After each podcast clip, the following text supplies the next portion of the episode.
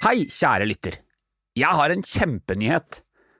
Vi lanserer Ut av skapet sin egen kleskolleksjon. I kolleksjonen Du kan komme ut til meg, har vi laget stilrent hverdagstøy med et lekent og inkluderende budskap. Målet med kolleksjonen er å inspirere og skape dialog, samtidig som du føler deg som en million kroner i høykvalitets hverdagsklær du kan bruke igjen og igjen. Sjekk ut Ut av skapet sin Instagram-konto for hele kolleksjonen med både hoodies, T-skjorter og morsomme munnbind. Og du, alt overskudd av denne kolleksjonen går til å produsere den nye sesongen av Ut av skapet, så handler du, da bidrar du, og det setter vi enormt pris på. Nå starter podkasten, så kos deg. Hilsen fra Sølve og resten av teamet.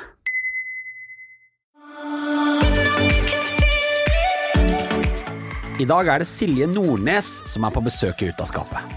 Altså, jeg var jo så forelska i Mia Hundvin.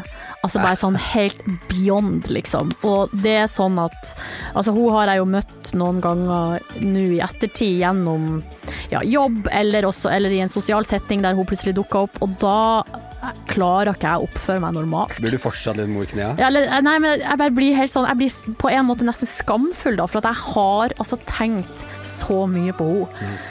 Og vært Altså sånn Ja, var vi, jeg var, og, og da var jeg jo plutselig veldig opptatt av håndball, og det er jeg jo egentlig ikke. Når jeg la ut et spørsmål om hvilken lesbe som var mine følgeres favorittlesbe på Instagram, så ble Silje nevnt ufattelig mange ganger. Du kjenner Silje som blidfis i P3 Morgen og som et skikkelig deilig tilskudd i monitor. Silje er opptatt av å normalisere, og ikke minst ser hun viktigheten av det å ha gode relasjoner og kjærlighet. Kos deg med Silje på øret.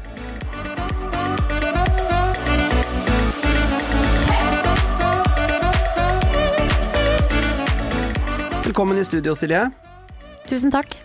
Hvordan er livet som radiostemme om dagen?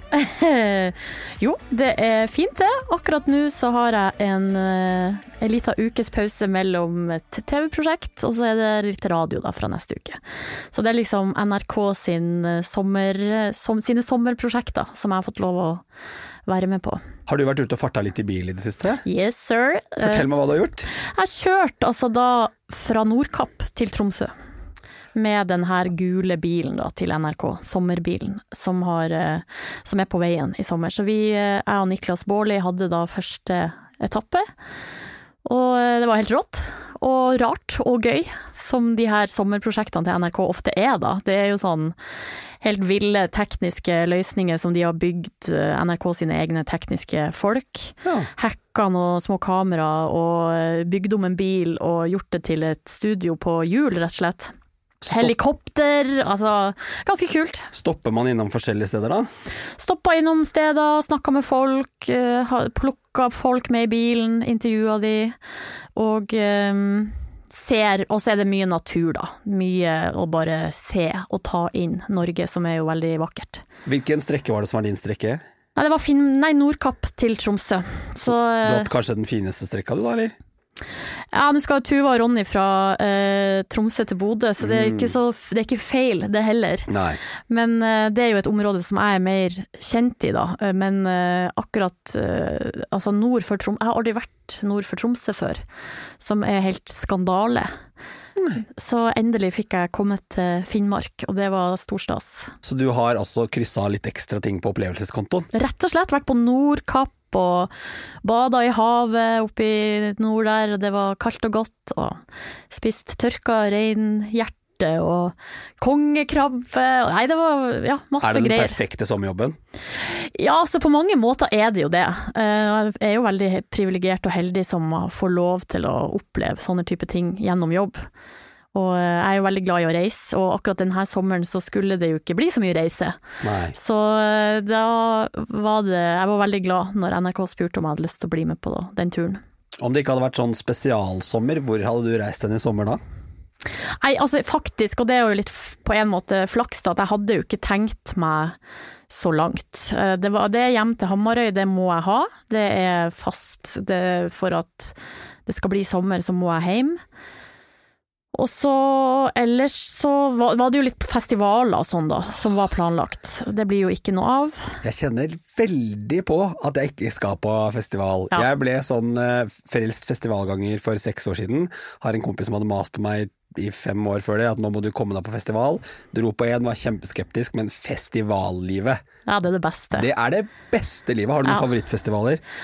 Nei, det altså, Øyafestivalen er jo den som jeg har vært på flest ganger, eh, og som er, det er sånn virkelig fast. Sånn hver eneste august så er det Øya.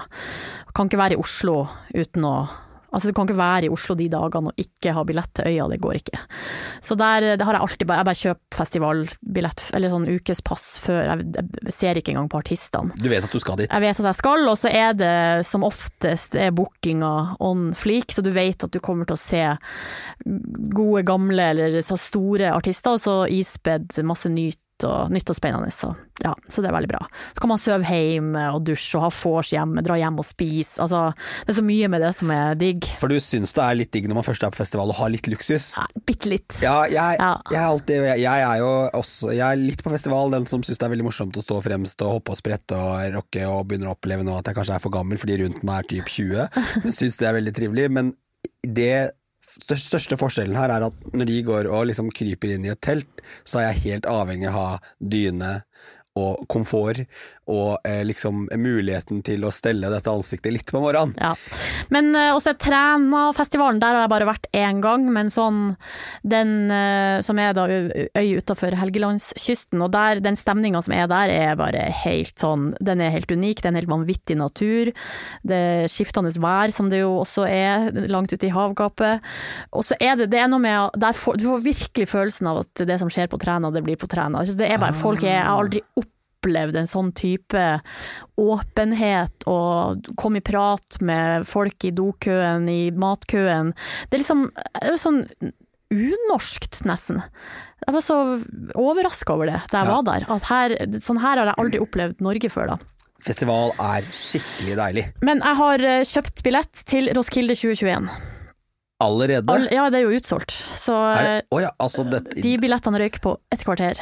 Du er jo veldig erfaren festivalganger hvis du allerede har begynt å dra ut av eh, landet. Ja, men Det blir tredje gangen jeg skal til Roskilde, og det har jeg jo Før har jeg vært der og vært sånn skikkelig sånn shitcamp-opplegg med Ja, virkelig ikke noe særlig standard. Men nå har jeg en venninne, vi har da gått for um, Hva er det de kaller det? Er det sånn glamping, liksom? Tent house, ja. Oh, tent house! Tent house. Så da er det satt opp telt allerede. Det står liksom på påler litt over bakken. Mm. Det er madrass inni teltet, og det er strøm. Er du en feinschmecker? Nei, ikke egentlig, men det er klart at med alderen Mm. og økonomien så kommer det jo Altså, det, man ilegger seg jo noen vaner. Så da jeg var på Roskilde da jeg var 18 og bodde i teltet i hel uke, så hadde jeg det jo helt rått. Eh, Det var jo til da noe av det kuleste jeg hadde gjort, men jeg bare merka at jeg bare Jeg vet ikke om jeg klarer det Det er, ikke det er ikke så veldig lenge siden jeg så en uh, liten sånn miniserie på et eller annet sånn eh, nett-TV, sånn Erlend Elias på Å herregud, det er så artig. Ja. Og jeg, jeg kan ikke forstå hvorfor jeg ikke har sett den serien tidligere. Hei. Det ga meg Jeg, jeg bincha hele på typ, det er sånne korte episoder. Jeg Ja, ja, hele, og så tenkte jeg bare sånn Hvis Erlend Elias kan, så kan jeg. Godt sagt. Det er generelt godt, men da vet vi jo det at da får vi begynne å se mot eh, 2022, da. Yes. Ok, det er greit. Eller håpe på at det dukker opp noen billetter. Ja, det, ja, det gjør det. Har du begynt å glede deg allerede? Ja, jeg har egentlig det, eh, men det er såpass lenge til at det er jo ikke så Altså, det virker litt eh, fjernt og abstrakt. Men, eh, men ja, det gleder meg, ja. Det er mange som kjenner deg fra P3 Morgen. Mhm. Du er, og nå er jo den epoken over. Du må fortelle lytterne litt om den tiden der. Oi, ja, hvor skal jeg begynne? Du, nei, du får den tida du trenger. Nei, altså det er jo en veldig lang periode i livet mitt, det er ti år da, eh, til sammen i den redaksjonen. Så jeg var 25 når jeg starta og 35 når jeg gikk ut. Og det er, ja det er nesten litt sånn merkelig og eh, merkelig å tenke på. Da har jeg nok ikke, da har jeg ikke vært Altså det er det stedet jeg har vært lengst i livet mitt. Fordi jeg gikk jo bare ni år på grunnskolen. Å ja. Så da betyr det, altså fordi jeg var før den der reformen, ja. Mm. Så det betyr at P3 er det, det stedet jeg har vært lengst i livet mitt. Hvordan har hverdagen din vært når du har disse ti årene? Den, den må jo ha vært ganske lik, det er jo sendetider og mm, ja, ja. Ja, det er det jo. Men det er jo en, en jobb som uh, har jo vært veldig variert i form av at vi har fått veldig mye frihet, får lov til å finne på ting, man har gjester og fått lov til å virkelig velge og ønske seg liksom fra øverste hylle, og etter hvert så klarte vi jo liksom å få kronprins Haakon og Jens Stoltenberg og altså sånn, man på en måte Når man kan det, da, altså, da er det sky's the limit, da. Eh, den eneste vi kanskje ikke fikk var vel Petter Northug, fordi han ville ikke komme på besøk. Han hadde ikke stått opp. Nei, jeg vet ikke, han sikkert skulle trene eller et eller eller ja, annet. ja. Nei, men altså man på en måte får muligheten da til å møte eh, veldig mange spennende folk, og så og det er jo eh, noen Altså det med kjendiser, og det kan jo være litt sånn kjedelig, eh, men ofte så er jo de som er kjent, kjent av en grunn. Mm. Sånn at det gjør jo at man har møtt veldig mye spennende folk. Og, og så har jeg jobba med kule folk, som, eh, og der det også har med masse kreativitet. Altså det er, altså vi har gjort så mye rart, liksom. Vi har hatt, sånn her, vi har hatt masse dyr inne i studio, ja, ja. og, fått, og fått lov til å dra til Svalbard, og vi var på, i Seefeld på ski-VM, og ja, har liksom, liksom ja, det, det, det, Folk spør jo sånn hva er høydepunktet, og hva er det kuleste du har opplevd, og det er, det er ikke så lett å velge, altså. Fordi det er så mye, og jeg tror jeg fortsatt driver og prosessere det jeg har vært med på. Er det sånn eh, Er det sorgprosess, eller hvordan er det? Eh, ja, det var det. Altså i, eh, i vinter, da, etter nyttår, og jeg var på ferie og sånn, og kom tilbake fra ferie, så da traff hverdagen meg ganske sånn eh, hardt i fleisen. Og ikke fordi jeg angra på det valget vi hadde tatt, og, og fordi jeg står veldig stødig i det og føler at det var det riktige. Det var riktig tidspunkt, og jeg var så sliten og hadde ikke sovet på mange år, og det var liksom Merka at det liksom går utover Det går utover alt, da. Alt søvn er det viktigste i Ja, sånn at eh, Så det var, vel, det var riktig beslutning, eh, men samtidig så hadde jeg jo ikke noe som kom og tok den plassen i livet, sånn at det ble jo eh, sånn tomrom der. Og, eh, og jeg har jo fortsatt fast jobb i NRK, og gode sjefer, og folk som liksom er backa og, og sier du skal få gjøre spennende ting og sånn, men, eh, men litt sånn der, jeg fikk også spørsmål om sånn, ja, hva vil du, og hva har du lyst til å gjøre, og så var, så var det bare helt sånn blankt.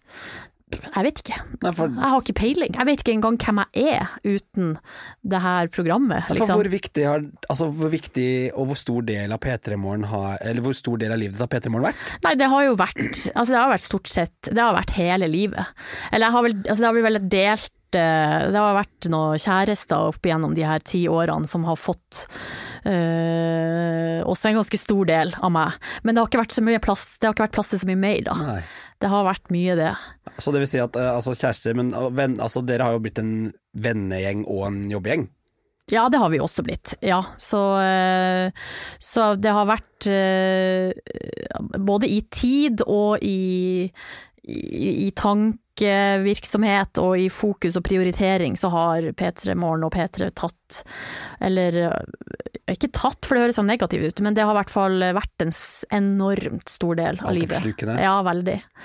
Men eh, det var jo fordi det var jo det drøm, eh, drømmejobben, liksom. Og det var det jeg ville, så det var ikke noe sånn Det var, det var egentlig helt topp. Men nå kommer jo det spørsmålet alle lurer på. Hva skal du gjøre videre nå? Får ser vi deg i en tilsvarende fast greie, eller snakker vi prosjektjobbing fremover? Nei, det blir nok ikke noe fast uh, nå med en gang, det gjør det ikke. Uh, det, altså jeg har jo da et radioprogram på P3 som går uh, hver søndag, som heter Koselig, og det, men det er jo bare én gang i uka. Og jeg tror sånn Det å ha mer som er sånn fast, og, og særlig Og radio er så um, det er jo liksom lite fleksibelt, du må være der. Så hvis du har et daglig radioprogram, så er det det du gjør, og da er det ikke mulighet til å gjøre så mye mer. Og det har jeg levd veldig, veldig godt med veldig lenge, men så kjente jeg nå da på et sånn litt behov for å kunne være mer fleksibel, gjøre forskjellige ting. Sånn at det betyr nok at det vil være Jeg vil nok dele tida mi litt framover mellom eh, ulike prosjekt på TV og radio. Så hvis man vil se deg på skjerm eller høre deg, så må man følge litt med, altså? Ja, det er jo NRK som uh, gjelder, så det er bare å tune inn. ja. Du, nå er du i podkasten Ut av skapet, og jeg har sykt lyst til å bli hakket bedre kjent med deg også på litt andre områder enn det vi har snakket om nå. Ehm, jeg vet at du er vokst opp på Hamarøy. Det er liksom ditt eh, go to place. Yes. Fortell meg litt om uh, lillejenta Silje som vokste opp på Hamarøy. Hvordan var du? Eh, nei, jeg var veldig aktiv. Det var kanskje det som eh, mest sånn eh, Ja, som står ut mest. Jeg var veldig, veldig aktiv. Sånn at uh, mange som jeg møter, har jo Altså mange, mange har fordommer mot små plasser og tenker at der er det ingenting å gjøre, og det er bare kjempekjedelig. Men uh, vi hadde masse å gjøre, og det var masse aktiviteter, både organisert og uorganisert. Og liksom fordelen med å bo på en liten plass er jo at man ikke trenger å bli fulgt, eksempel. Hvor liten til, plass snakker eh, vi her? Nei, altså jeg vokste jo opp i Altså kommunen er jo stor i utstrekning, men det er jo ikke så mye folk der, det er vel 3000 Ja, ja, som bor der nå. Så, men i min, min bygd, da, eller tettsted, så var det vel 700. Eh, men det gjorde jo at Eller jeg var med på eh, fotball, og så gikk jeg på ski, og så var det svømming, og så var det drama, kor, fiolin. Uh, te, altså sånn, jeg var Du har testet alt? Ja, liksom, jeg var med på stort sett absolutt alt som foregikk av organisert aktivitet. Så det var vel eh, i perioder så var det to ting per dag. Så da hadde vi eksempel orkesterøving først, og så skitrening etterpå, eller så var det fotballtrening først og korøvelse etterpå. Um, ja, så jeg gjorde veldig mye, og det gjorde jo at eh, Og det var det jeg ville. Var du en Jeg sånn, hadde det veldig artig.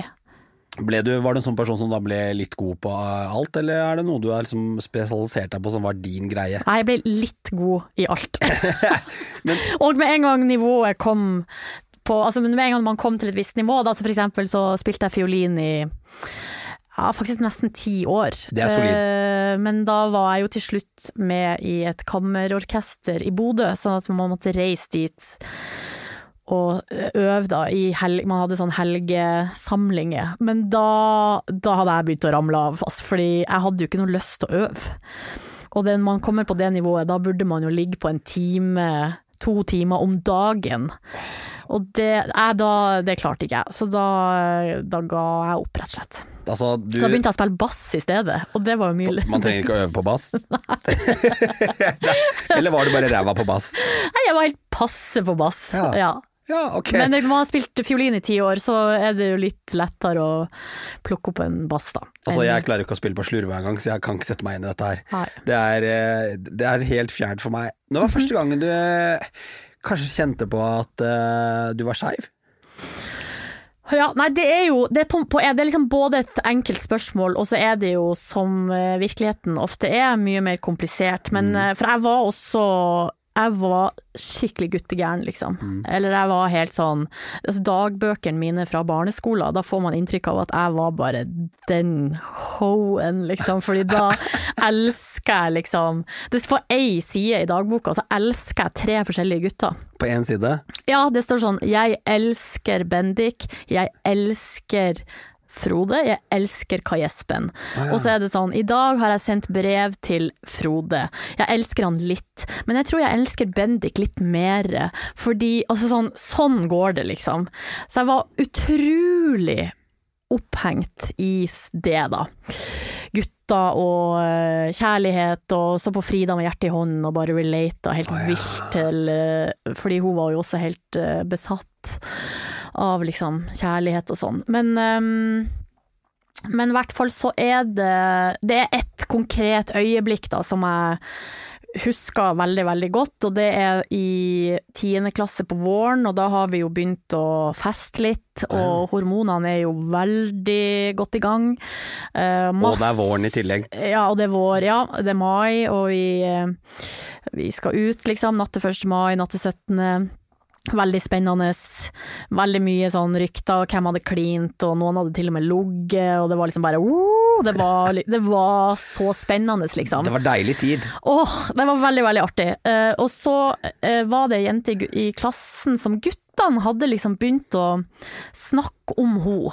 At der var det liksom At hun hadde vel blomstra på, på en måte. En bloomer. Litt sånn bloomer. Og så, eh, så var det litt sånn ja ja, ok, og det var jo en av de guttene man jo er litt interessert i, for å si det sånn. Uh, han hadde kanskje et godt øye til meg, så der var det liksom, det lå litt spenning i lufta.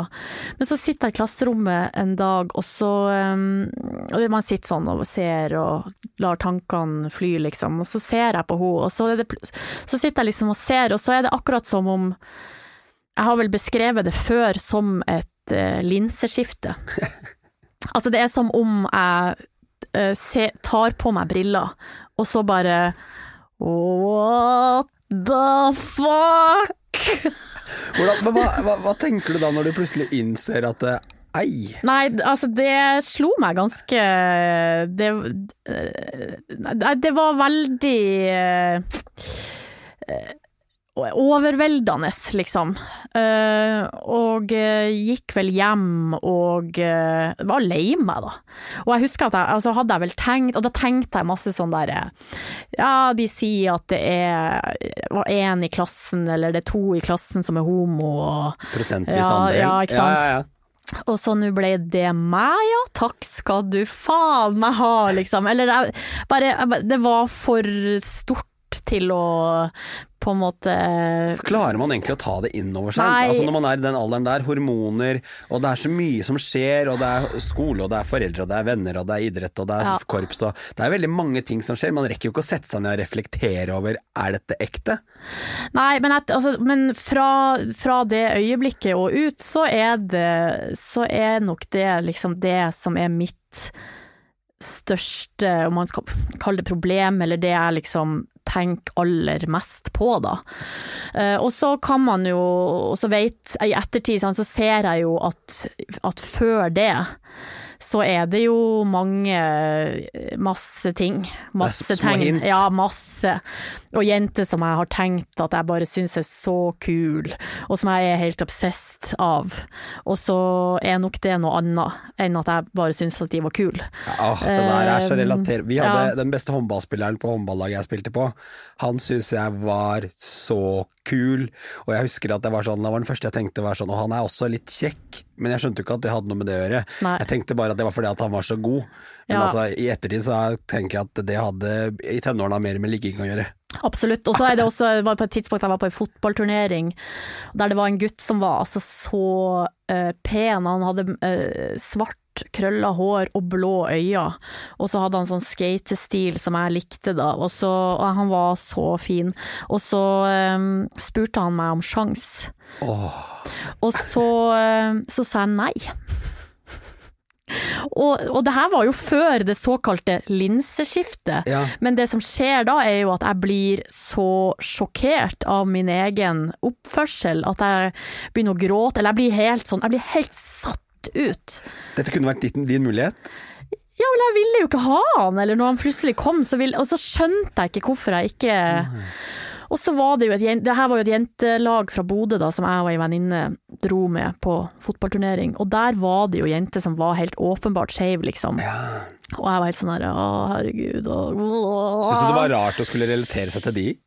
Nei, jeg klarte ikke det i det hele Nei. tatt, og jeg klarte ikke å Og det bare passa ikke, og det var ikke den jeg var, og jeg var jo ei guttegæren jente, og det, bare det var, Jeg hadde så fastlåste på en måte ideer i hodet mitt om hvem jeg var og hva jeg skulle være, og at jeg klarte altså den, den, den, her nye følelsene og den informasjonen, jeg klarte ikke å prosessere det i det hele tatt. Men jeg lurer på en ting. Jeg opplever jo at um, det kanskje eh, Hvis det i det hele tatt snakkes om eh, skeiv kjærlighet eller det å være skeiv i oppveksten, så snakker man veldig ofte om homser og homofile gutter.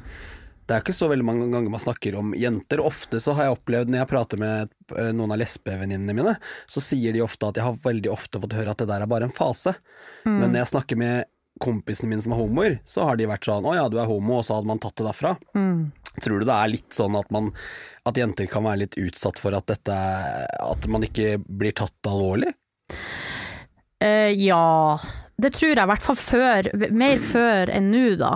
Eh, fordi at nå skjer det veldig mye og det går fort da. At eh, vi blir mer og mer åpen, og åpen på at ikke at kjønn og seksualitet altså det, det, det, henger jo ikke sammen, liksom. Eller de her båsene vi har laga, de passer ikke.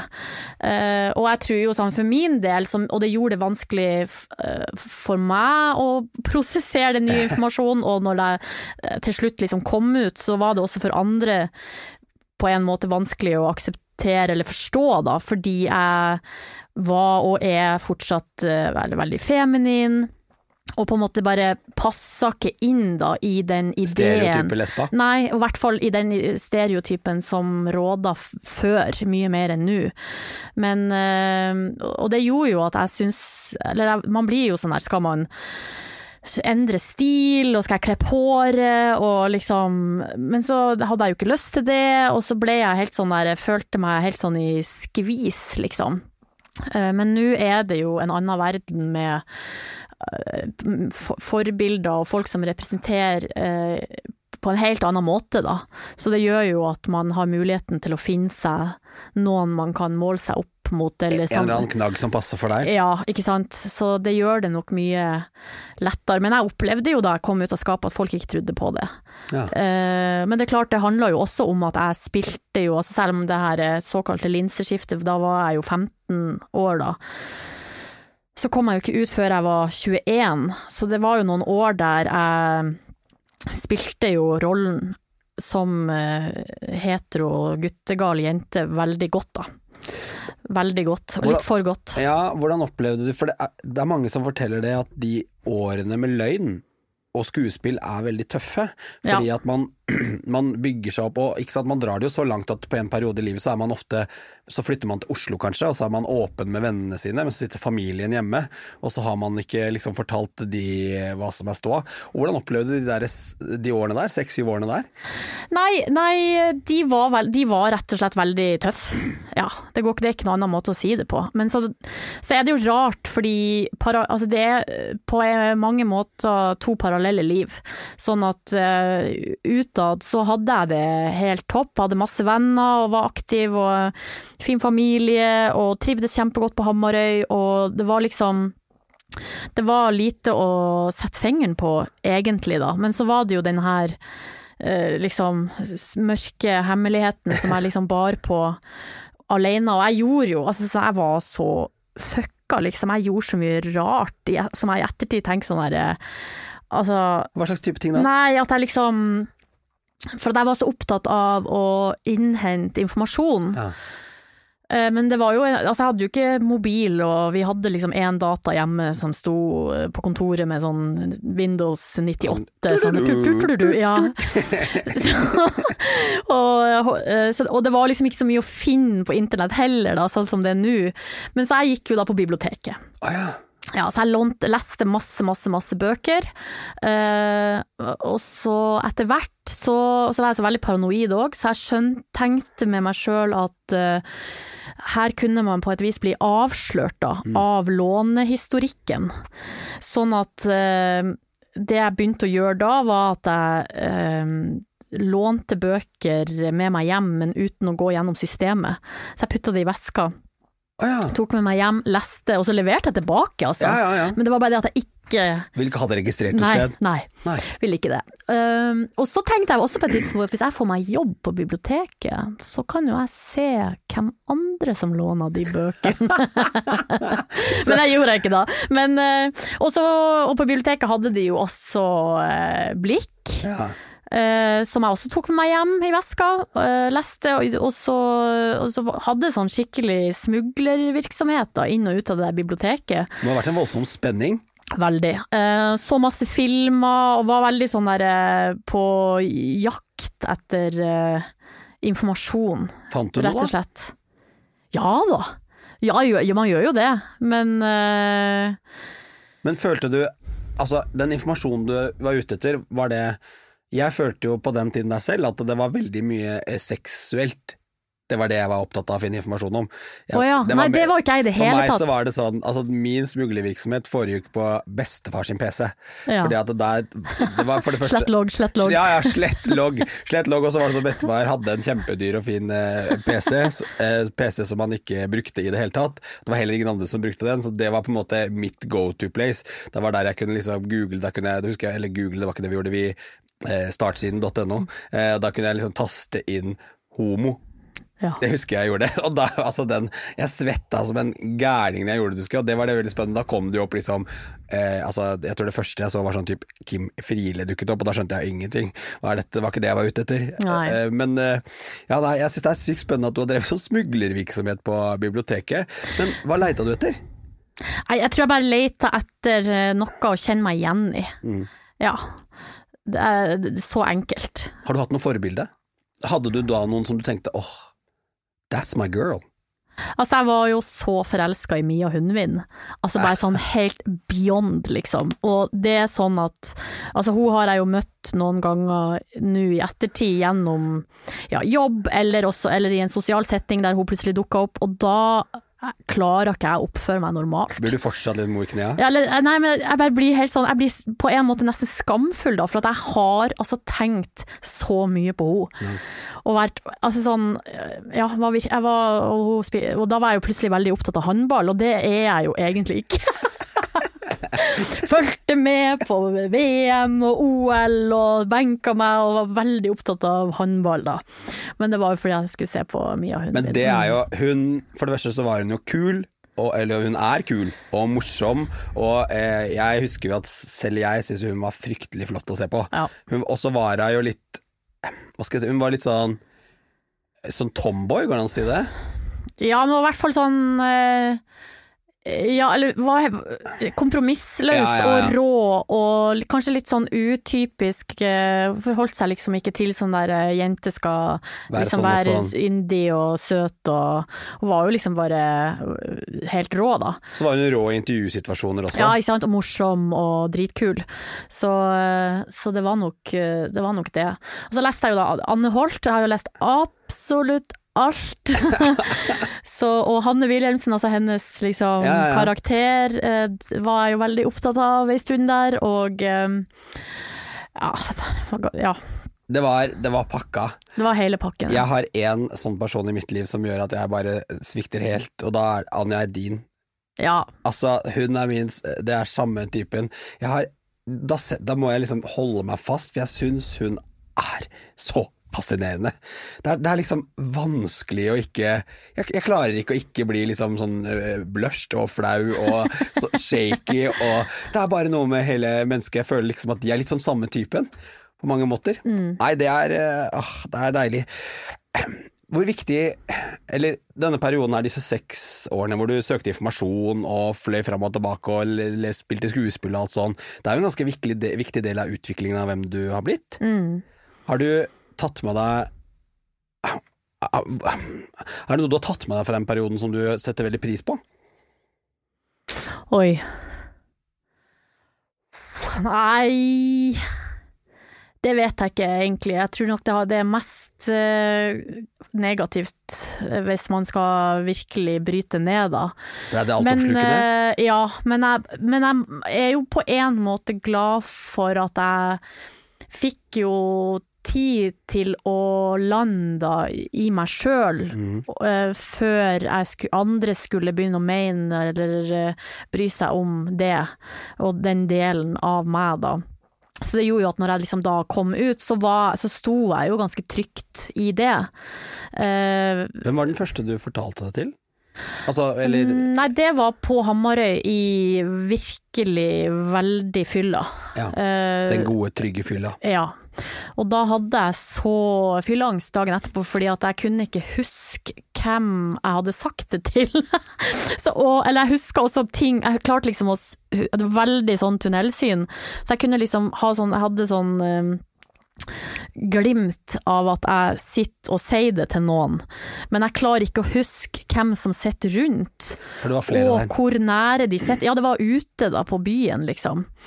Så jeg hadde så jævla noia for det, men, eh, men det var jo da en, eh, en fyr på Hamarøy som er noen år eldre enn meg, mm. som eh, jobber i baren på den lokale puben. Som eh, Confessions. som helt tydelig er altså en fyr som, eh, som liksom representerte noe annerledes. Ja. Eh, og en av de få da på liksom Hamarøy som gjorde det. Du følte deg trygg med han? Ja, eller jeg var veldig Og han hadde jeg vært veldig dratt mot lenge. Ikke, og det klarte jeg jo ikke helt å sette fingeren på, at jeg var liksom dratt mot han helt fra jeg var 12-13 år. At jeg liksom var sånn Og der er han, og, og han hadde piercinger og hanekam og var liksom var, gjorde, Hadde så mye rare uttrykk, liksom Ja, ja, ja. som ingen andre hadde. Um, så han var jo den jeg da sa det til først, og, da, og så ble jo han veldig viktig for meg etterpå. Veldig viktig. Og vi er jo fortsatt, nå er vi jo kjempegode venner, og, og han er fortsatt en som jeg eh, når- ja, Når vi møtes, så er det liksom bare rett der, da. Fortalt, Eh, har du fortalt ham hvor viktig han var for deg? ja, jeg har nok det, men jeg kunne sikkert sagt det enda tydeligere. Men at eh, Og vi fant hverandre liksom veldig i Og det var ikke det at vi liksom snakka så mye om homoting, liksom, men at vi fant hverandre veldig i å dele musikk. Og vi så på film og drakk masse, og liksom, eller festa og bare Det var bare Det var så Det var veldig viktig for meg Var han de den årene. første du liksom kunne være senke skuldrene dine helt rundt? Ja, på en måte så var han jo det. Og, og det her var jo Det var jo på videregående, da. Og så, og, og så hadde jeg jo kjempegode venner som, som de, også etterpå har liksom kanskje sagt at de syntes det var litt rart at ikke jeg sa det til dem. Og det øh, er helt enig. Det er kjemperart. Og Kan jeg- hende at du fikk den litt tilfredsstillelsen du trengte av han, da? Eller Nei, eller jeg tror bare det handla om at jeg var nok redd. Jeg var Ja, liksom ja. livredd for at eh, man skulle bli sett på annerledes, eller ikke bli akseptert, eller altså sånn, og som, også, som er på en måte helt irrasjonelt. Det hadde, kom ikke fra noe annet sted enn mitt hode. Nei. Ikke noe noen har sagt eller gjort som skulle liksom tilsi at de skulle være kjipe, for det var Ja. de jo virkelig ikke.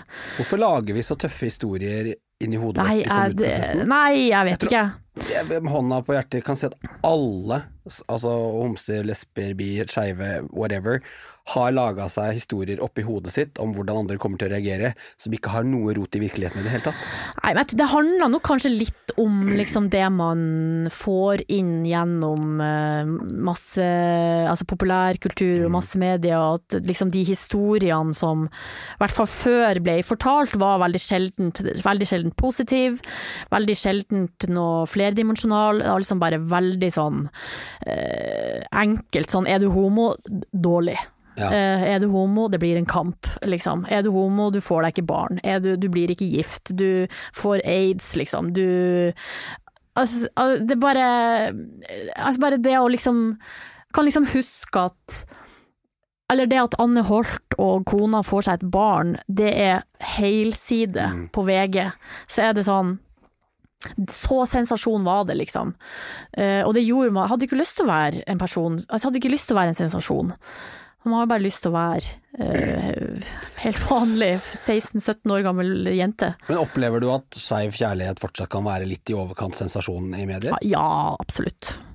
Ja, ba- Ja, altså Ja, eller det er jo- er det jo, på en måte. Men så, og det der er litt sånn tvega sverd, fordi at eh, når mine egne kjærlighetsgreier har blitt slått opp, sant, så kan man jo tenke sånn der eh, Ja, der har vi den, ja. Eh, eller sånn jeg kyssa Katrine Moholt på et tidspunkt, og da den videoen som ligger på, på YouTube er jo et eller annet sånn der eh, Katrine Moholts Ja. hete jentekyss, og så har den 200 000 views, som er bare sånn ok, whatever.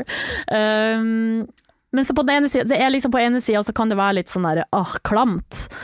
På den andre sida så er det med å lage eh, normalitet, lage historier. Det viser at vi er her, vi har også kjærester, det er helt vanlig, liksom. Ja, men er det ikke en veldig tendens til å seksualisere jentekjærlighet? Eller Ja, noen en ganger. Hvis han klina med Katrine Moholt på, på senkveld, så ble Ja, det litt sånn. Men eh, nei, ellers så Jeg i hvert fall har ikke sånn at jeg er så veldig ja, Noen ganger ser man det, sånne overskrifter. Men da Jeg har arrestert Jeg har liksom Jeg tror jeg har til og med sendt en mail, jeg, til eh, Ja, det var VG eller Dagbladet, og var sånn derre Ja. Grow up. Ja, litt sånn. Eh, ja. Fordi eh, det er litt Men det blir jo stadig mindre, da. Heldigvis. Ja, det gjør det. Eh, så får man bare unngå å lese kommentarfelt. Nei, det gjør jeg ikke uansett. Nei, det er kanskje smart. Ja. Samtidig så må jeg gjøre det noen ganger, for jeg bare får se hvordan ståa er i verden, og da skjønner jeg at det fortsatt er viktig. ja. Det, dessverre. Jeg, ja, jeg, er, jeg, jeg må si det, jeg ser viktigheten av både pride og skeive forbilder, og det å trykke hva skal man si, skeive tanker i trynet på folk er fortsatt ganske viktig når man leser nedover. Eh, Absolutt. Norge er jo mer enn bare eh, ja, det er, ja, det er mange, det er mange raringer der ute, tenker jeg noen ganger. ja. Du, i forkant av denne podkasten her så snakka vi litt om kjærlighet, og du sa til meg at du er en sånn romantiker. Hva legger du i det? Nei, jeg er i hvert fall veldig opptatt av kjærlighet, da, og har vært det hele livet, og liksom eh, Ja, glad i alt. Filmer og bøker, eller bare alt som omhandler tematikken og relasjoner og eh, Altså, det er så stor del av livet, eller i hvert fall i mitt liv, så, så er det en stor del. Jeg er Altså, jeg Ja, det har jeg alltid vært. Hvor kommer det fra? vet ikke. Jeg det er kanskje litt sånn Det er en født sånn eller blitt sånn, jeg vet ikke. Men jeg i hvert fall Jeg vokste opp i en stor familie med masse liv og røre, og vant til at vi er mange, og at uh, jeg, jeg, jeg vet egentlig ikke. Jeg bare Og jeg forelska meg jo lett, som Ja, sagt. ja, for du er og- typen som lett forelsker deg. Ja, jeg gjør det. Er det, ja, akkurat ja. Jeg kjenner meg veldig igjen i det. For det, det er mye spennende mennesker der ute. Ja, og så er jeg litt sånn uh, rask på avtrekkeren. Så jeg forelska meg liksom hardt. Fort og hardt. Eh, og går veldig inn i det. Går all in. Ja, så ja, jeg gjør det. Hvordan er det å være en sånn person som går all in fra første sekund? Nei, det kan jo være Nei, det er litt utfordrende, da, for det er ikke alltid den andre henger helt med i svingene. Sånn at, men i mitt hode så, så begynner jo liksom planlegginga av livet. Du har laga et narrativ Med eller en en gang. historie, du. Ja, med en gang. Da er det sånn øh, kan, Ja, da Ja, og jeg er ikke noe redd for forpliktelse, da, helt åpenbart. Sånn at jeg går veldig sånn Ja, går veldig inn i ting. Men Fort. det er jo, altså det å ikke være redd for forpliktelser, det jo Det møter jeg ikke så ofte på her, for de fleste har litt sånn commitment issues. Ja, nei, det har jeg ikke. Ikke i det hele tatt. Nei. Så du er da det ene lys, lyspunktet i en verden full av commitment issues? Jeg vet ikke. Men øh, bare det er jo noe Det er så fint å, med å, å være flere. Heller enn å bare være én. Tosomhet er deilig. Ja, jeg syns det. Er det rett å bli litt forelska i forelskelsen? Den, fa den første Ja, den første fasen er jo veldig fin, og jeg har jo hatt Altså, altså det, var, det, var, det var en periode i livet, og, jo, og, og mens det står, sto på som verst, holdt på å si, og best, med P3 Morgen, masse, masse, masse, masse jobb, så var jeg jo inn og ut av noen forhold. Som eh, Og så var det en rebound i midten der som ble til en megaforelskelse. Det var ikke meninga, men sånn Du vet at det er livsfarlig. Ja, det er ikke bra. Eh, for, eh, og det gikk jo ikke bra heller, da. Men, og da, så det, der var det en periode med veldig store topper og veldig lave bunner. Som på en måte nesten, liksom, når man kommer ut av det, så blir normalen kjedelig. Ja. Fordi at det, det, Fordi du på en måte nesten altså det, blir, det, blir som, det blir som Ja, det blir som en ru- rus, Det blir ja. som rus, ja. Rett og slett. Og at jeg kan også nesten noen ganger idolisere uh, kjærlighetssorgen.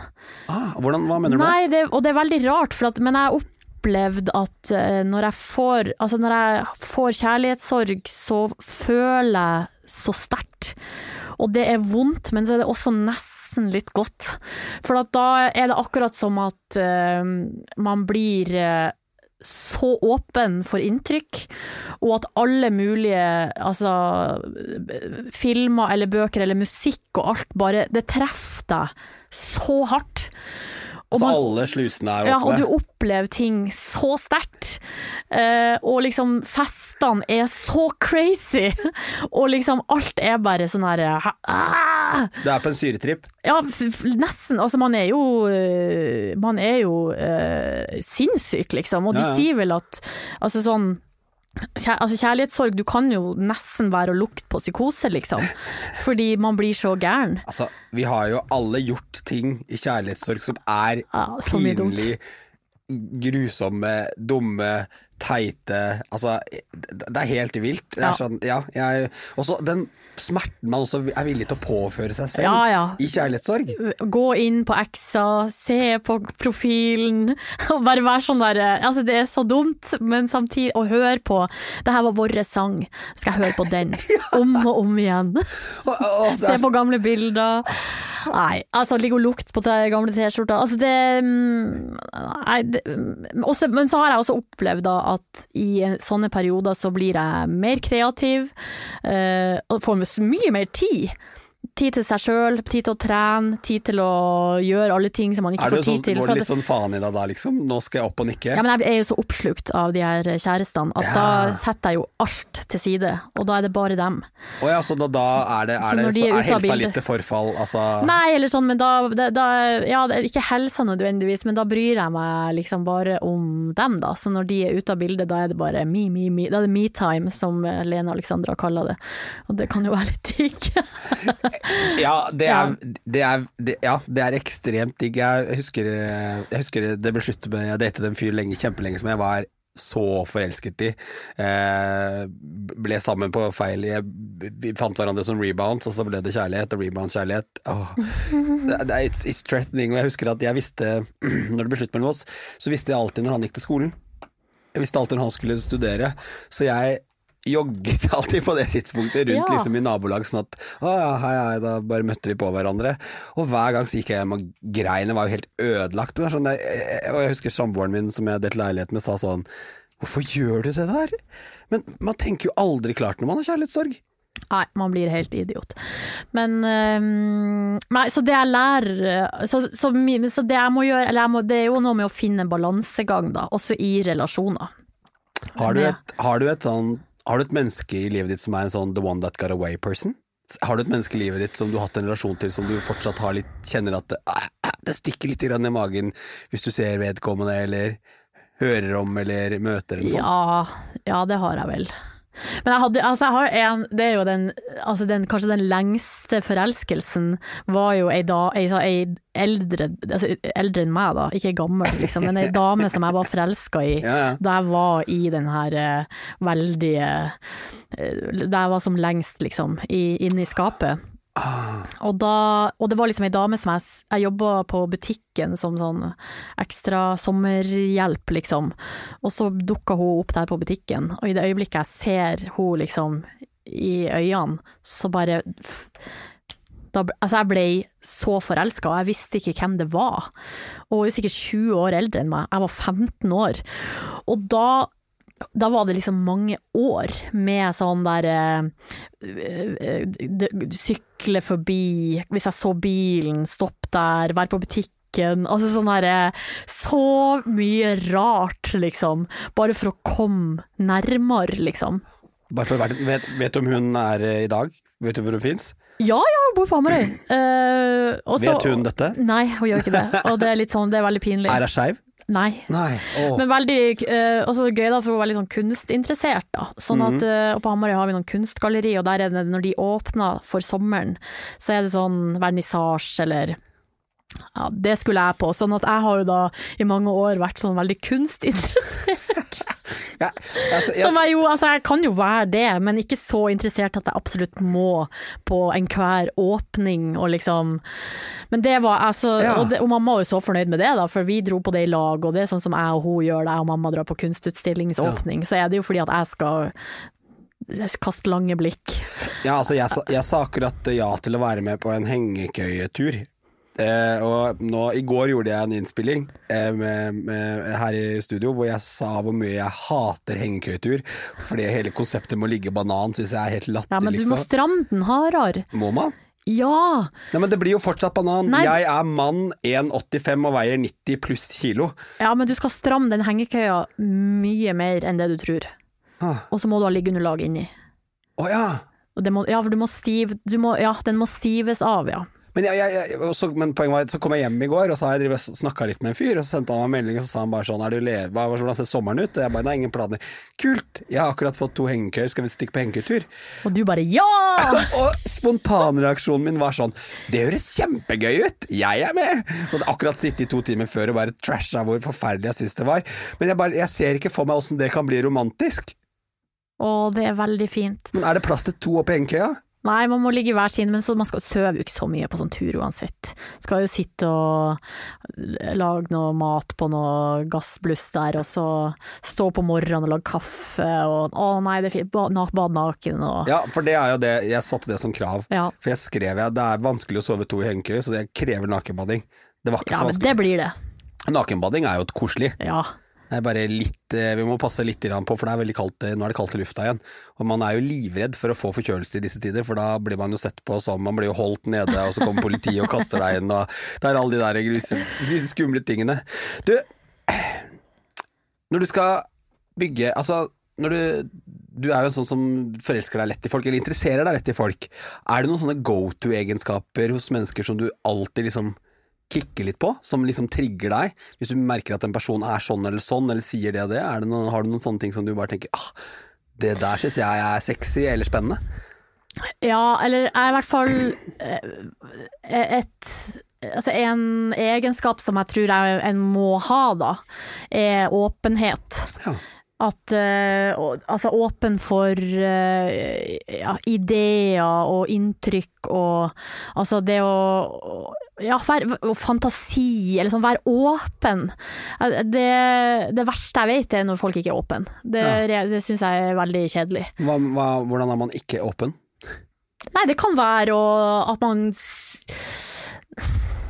Det kan være så på en måte, hva skal jeg si, ekstremt som at man kom, kommer med kommentarer om folk, Ja. eller grupper, eller at man helt åpenbart er fordomsfull, eller altså de greiene der, det, det er liksom helt no go. Eh, eller så er det det at man ikke har lyst til å dra på ting, eller altså, bare, Ja, det er bare så kje, Jeg syns det er kjedelig, da. Altså er det Man man må være åpen. Eventyrlysten er viktig. Ja, det er viktig. Og det, ja, det drar seg veldig mot. Og så drar seg nok, og det er jo litt sånn paradoksalt da, fordi jeg er jo ikke så veldig impulsiv egentlig. Å nei, det overrasker meg at du sier. Jeg er veldig lite impulsiv, ja. sier min, men jeg er eventyrlysten. Så der har man en sånn eh, litt sånn eh, motsetning. Men det gjør at jeg trekkes veldig mot sånne folk som er fulle av ideer og vi gjør det og ja, vi gjør det. Og... Men da er du en ja-person.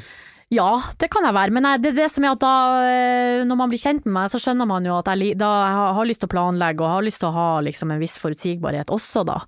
Men, eh, men ja, åpenhet og eventyrlystenhet og Og så og så er det jo det med å være Jeg er ganske aktiv, sånn at jeg liker å gjøre ting, liksom. Dra på tur, oppleve ting. Uh, og, og jeg kan gjerne ligge i senga en hel dag og se på Netflix, det er ikke det, liksom. Uh, og det er ikke sånn at jeg må ut hvis det er fint vær, eller altså, det, er ikke, det er ikke sånn. Men jeg bare ja, liker å gjøre ting. Har nok et ganske høyt aktivitetsnivå. Ja, Noen ganger tenker jeg at det er digg å ligge og chille og se på en serie, men det er noen ting man kan få til før det også. Det er plass til begge deler. Ikke sant? Sånn, sånn er jeg ofte. Ja. At det er bare sånn Ja, jeg har kjempelyst til å ligge og chille. Vi kan ligge i tre timer og se på serie i kveld, men kanskje vi skal få oss en tur ut før det? Ikke sant. Og så er jeg veldig glad i folk, da. Eh, og jeg er nok kanskje en sånn mel- ikke sånn veldig utprega ekstrovert eller, eller introvert, men mer sånn eh, Jeg liker å være masse med folk, og, has, og jeg kommer fra en stor familie, og vi har vært mye sammen. Store måltid, lange bord, sitter timevis ved bordet og sånn.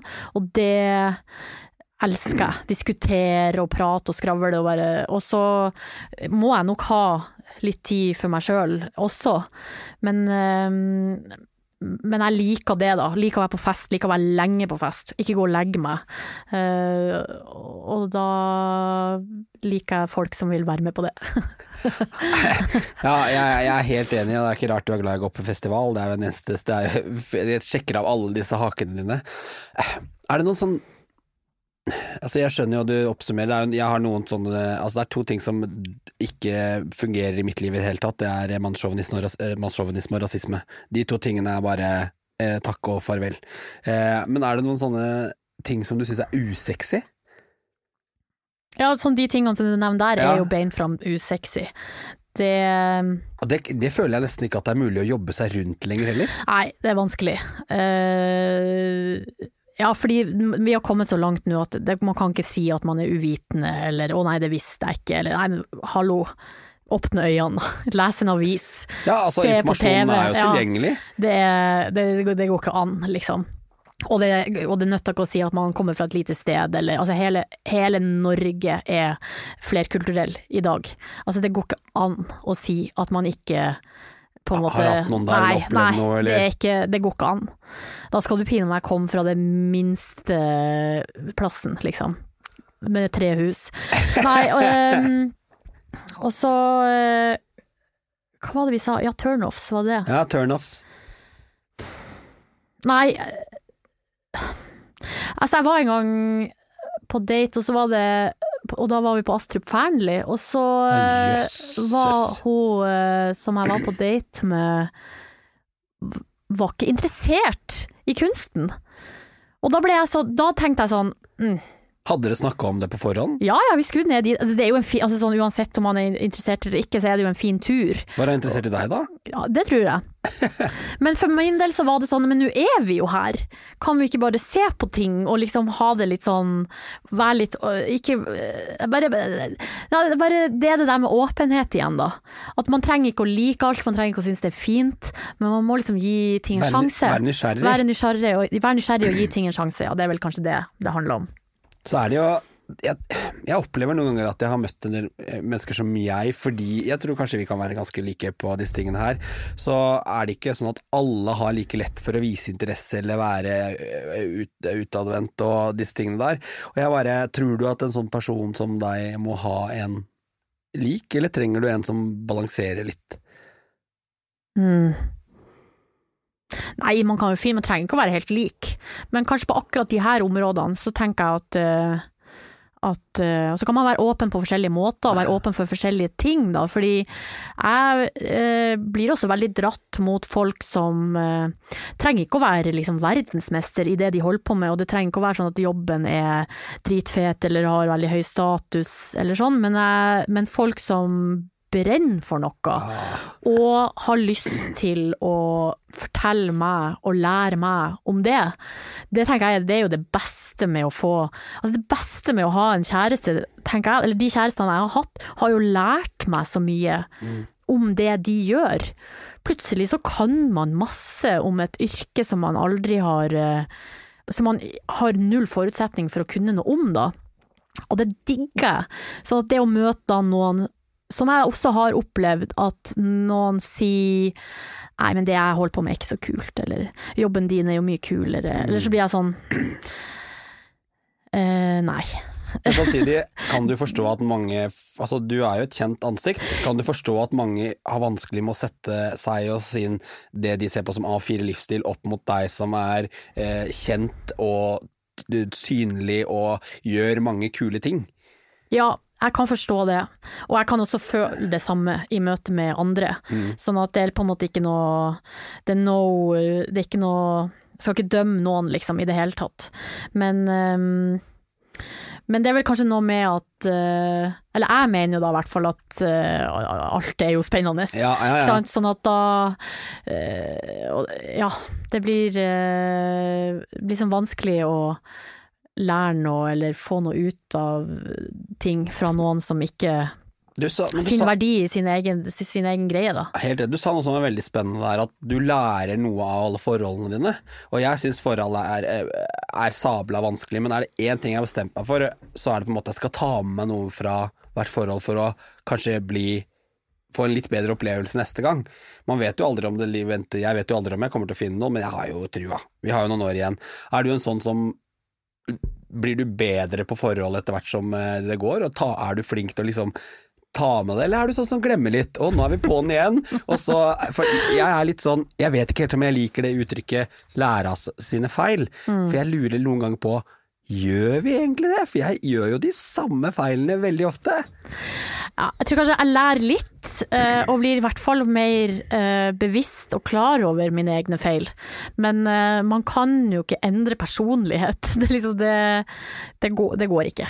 Um, så jeg har jo lært litt, og jeg har vel lært at jeg godt kan ta ting litt saktere, og ikke gå så fort fram. Og kulene, ja, kulene litt.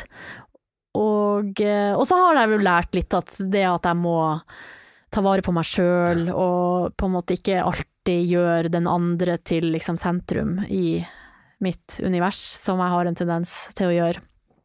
Som ikke er så lett, fordi det kommer veldig Det bare skjer. Men man kan i hvert fall være bevisst på det. Og så så jeg en ting på TikTok Altså, jeg er veldig opptatt av TikTok for tida. Sjæl. Og lesbien TikTok. Hæ? It's a thing. Og Lesbian det er TikTok? helt vilt. Altså ja, det er TikTok, men det er de her kinesiske algoritmene som er Ja, ja. så sterke. Jeg har bare at, kjekke fyrer som danser, jeg. Ikke sant? Det er det jeg har. Jeg har bare lesber. Altså det er helt fascinerende. Og det er jo da alt mulig, ikke sant. Der er det Det, det eneste felles, uh, felles er at alle er lesbiske. Eller skeive, eller altså sånn, Ja, ja, ja. Men eh, Og så er det alt mulig av humor og dansing, bare prating, og noen er bare dritsexy og bare har sånn thirst trap, at de bare mm. blunker inn i. Ja. kamera og biter seg i leppa og gjør hele pakka der. Føler at dette her er prikk likt på homofilen eh, på TikTok og lesbe. Det, altså det du beskriver med de jentene du møter der, det er jo akkurat samme som jeg får. Men en ting som jeg lurte på, som er veldig spennende med lesbien TikTok, Mm. eller, det er at eh, de Og de er jo veldig unge, mange av Mm, dem. ja, ja, ja. Altså de er, noen er jo helt nede i altså 16-17 år, liksom, og så opp til midten av 20-årene, kanskje hovedgruppa, da.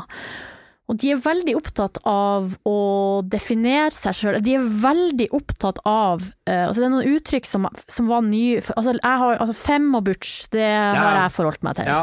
Nå er det en helt ny uh, er det nye? det nye. Det nye er de er veldig opptatt av om du er stødd, stem eller fem. Hva er stem?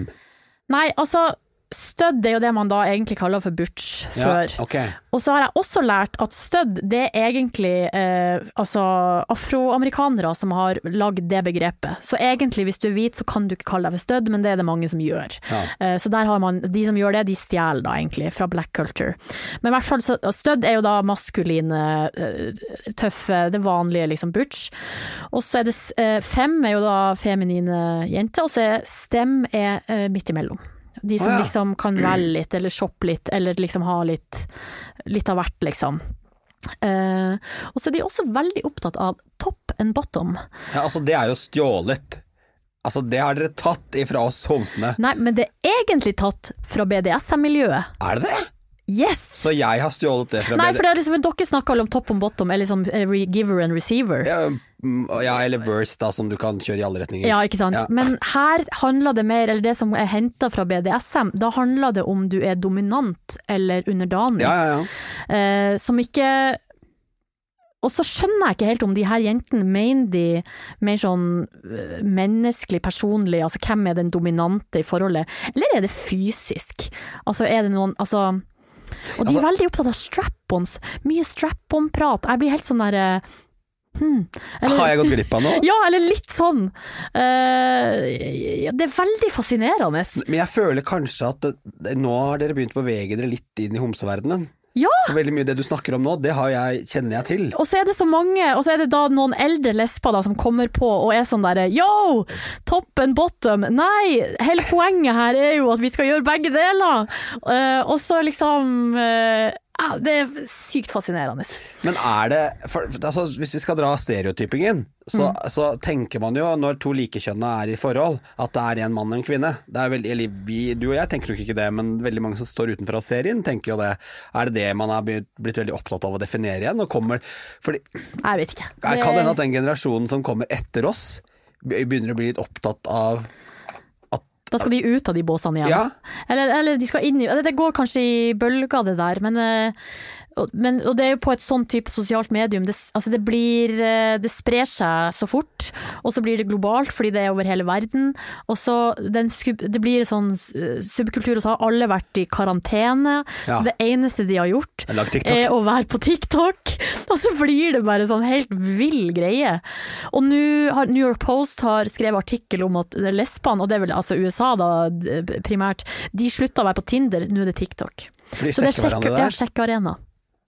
Ja, altså, jeg er jo, det går det ikke an å gjøre på TikTok, for man vet jo ikke om man kommer i fengsel for det. For noen av de som dukker opp I der know, de er så små. De er jo så små. Det er så, herregud, det er jo livsfarlig. Mm. Jeg skulle ønske at det var mulig å gå inn der og så liksom si sånn Sette en alder. For det er, Ja. det er så mange ganger jeg har gått inn der og tenkt bare sånn, altså, Man går jo inn der og man kan få alle mulige slags inspirasjoner. Og så går man og så tenkte jeg å fytti helvete, han var dritkjekk. Og så er det bare sånn 15 år, ja. ja, 15 år, ja. Nei, men da bare skuper vi videre. Hei, hei, onkel politi. Ha det. ha det. Eller ha det, jeg bare tulla. Ja. Så sitter man der og så kikker man rundt, så tør ikke å kikke ut gardinene engang. Ja. Det er livsfarlig med sånne medium. ja. Uff, jeg, jeg blir helt eh, Ja, jeg er veldig glad for at du plukka opp TikTok, for jeg føler noen ganger at jeg er den eneste i 30-åra som holder på med TikTok. Nei da. Nå sa Judy Dench har uh, gått ut og sagt at TikTok redda livet hennes i karantene. For da eh, fikk hun noe å gjøre, liksom. Lager du TikToks? Nei, er du gal? Så du er en stalker? Absolutt. Jeg har ikke engang profil, og jeg sletter appen mellom hver gang. Hvorfor det? Nei, jeg vet ikke, jeg er litt sånn der eh, Hysterisk overvåkning. Kina-aktig. Men greia er at uh, når jeg laster den ned igjen og går inn, så får jeg jo fortsatt Ja, ja. det samme. Så det betyr at For du er jo aldri sletta. Nei, ikke sant. Nei. Du, det her var en skikkelig deilig og morsom prat, og jeg bare Det er, eh, det er så gøy å bare sitte og høre på deg reflektere. Du klarer deg jo fint sjøl. Det er, eh, dette her er, det er tydelig at du har prata litt i mikrofon før. Bitte litt. Sånn avslutningsvis i poden så pleier jeg alltid å spørre de kule sjelene som er på besøk, om de har et litt sånn godt og inkluderende råd de vil gi til de som hører på podkasten. Det kan være noe fra denne samtalen, eller noe du har hatt oppi hodet ditt. Er det noe, har du en litt sånn skeivt innspill vi kan avslutte med? Oi. Skeivt. Nei, det må ikke være det, da. Nei, eller, jeg, i hvert fall, eller det jeg tenker da, som jeg er mest opptatt av, er å eh, oppsøke Altså sånn, å lytte, da. Lytt til folk. Og lytt og hør på historiene, oppsøk historiene, les bøkene, se på filmene.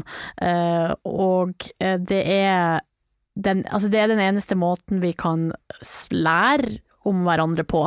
Og jeg tror med en gang man gjør det, så eh, får man så mye mer eh, perspektiv og blir mer, mer åpen og mindre dømmende, liksom. Og jeg kan ikke kreve av andre at de bare skal forstå eh, Altså sånn Jeg kan ikke kreve at andre skal lytte til meg, da, hvis ikke jeg lytter til andre. Nei. Det er en sånn slags uh, give and take-greie som vi bare alle må gjøre for at vi skal komme videre i Godt. samfunnet. En deilig avslutning. Du Silje, tusen takk for at du hadde lyst til å være en del av Ut av skapet-podkasten. Jeg er helt svett, jeg. Jeg har skravla så mye. Men det er sånn det skal være. Ja. Hva er planen videre i dag? Oh, jeg tror jeg skal gå på tur. Mm. Det er planen. Få På med skoene og ut i skogen, tror jeg. Du vet, å gå tur er godt for alt. Det er godt for absolutt alt. God tur da, Silje. Tusen takk. Takk for at du hører på podkasten Ut av skapet. Det betyr mye for mange. Informasjon om dagens gjest finner du i episodebeskrivelsen. Sjekk alltid ut fine folk på sosiale medier. Denne podkasten er helt avhengig av deg, så er du glad i Ut av skapet, del om du lytter, og rate oss gjerne der du kan rate podkast. Jeg gleder meg skikkelig til nye skeive historier neste uke. Vi høres.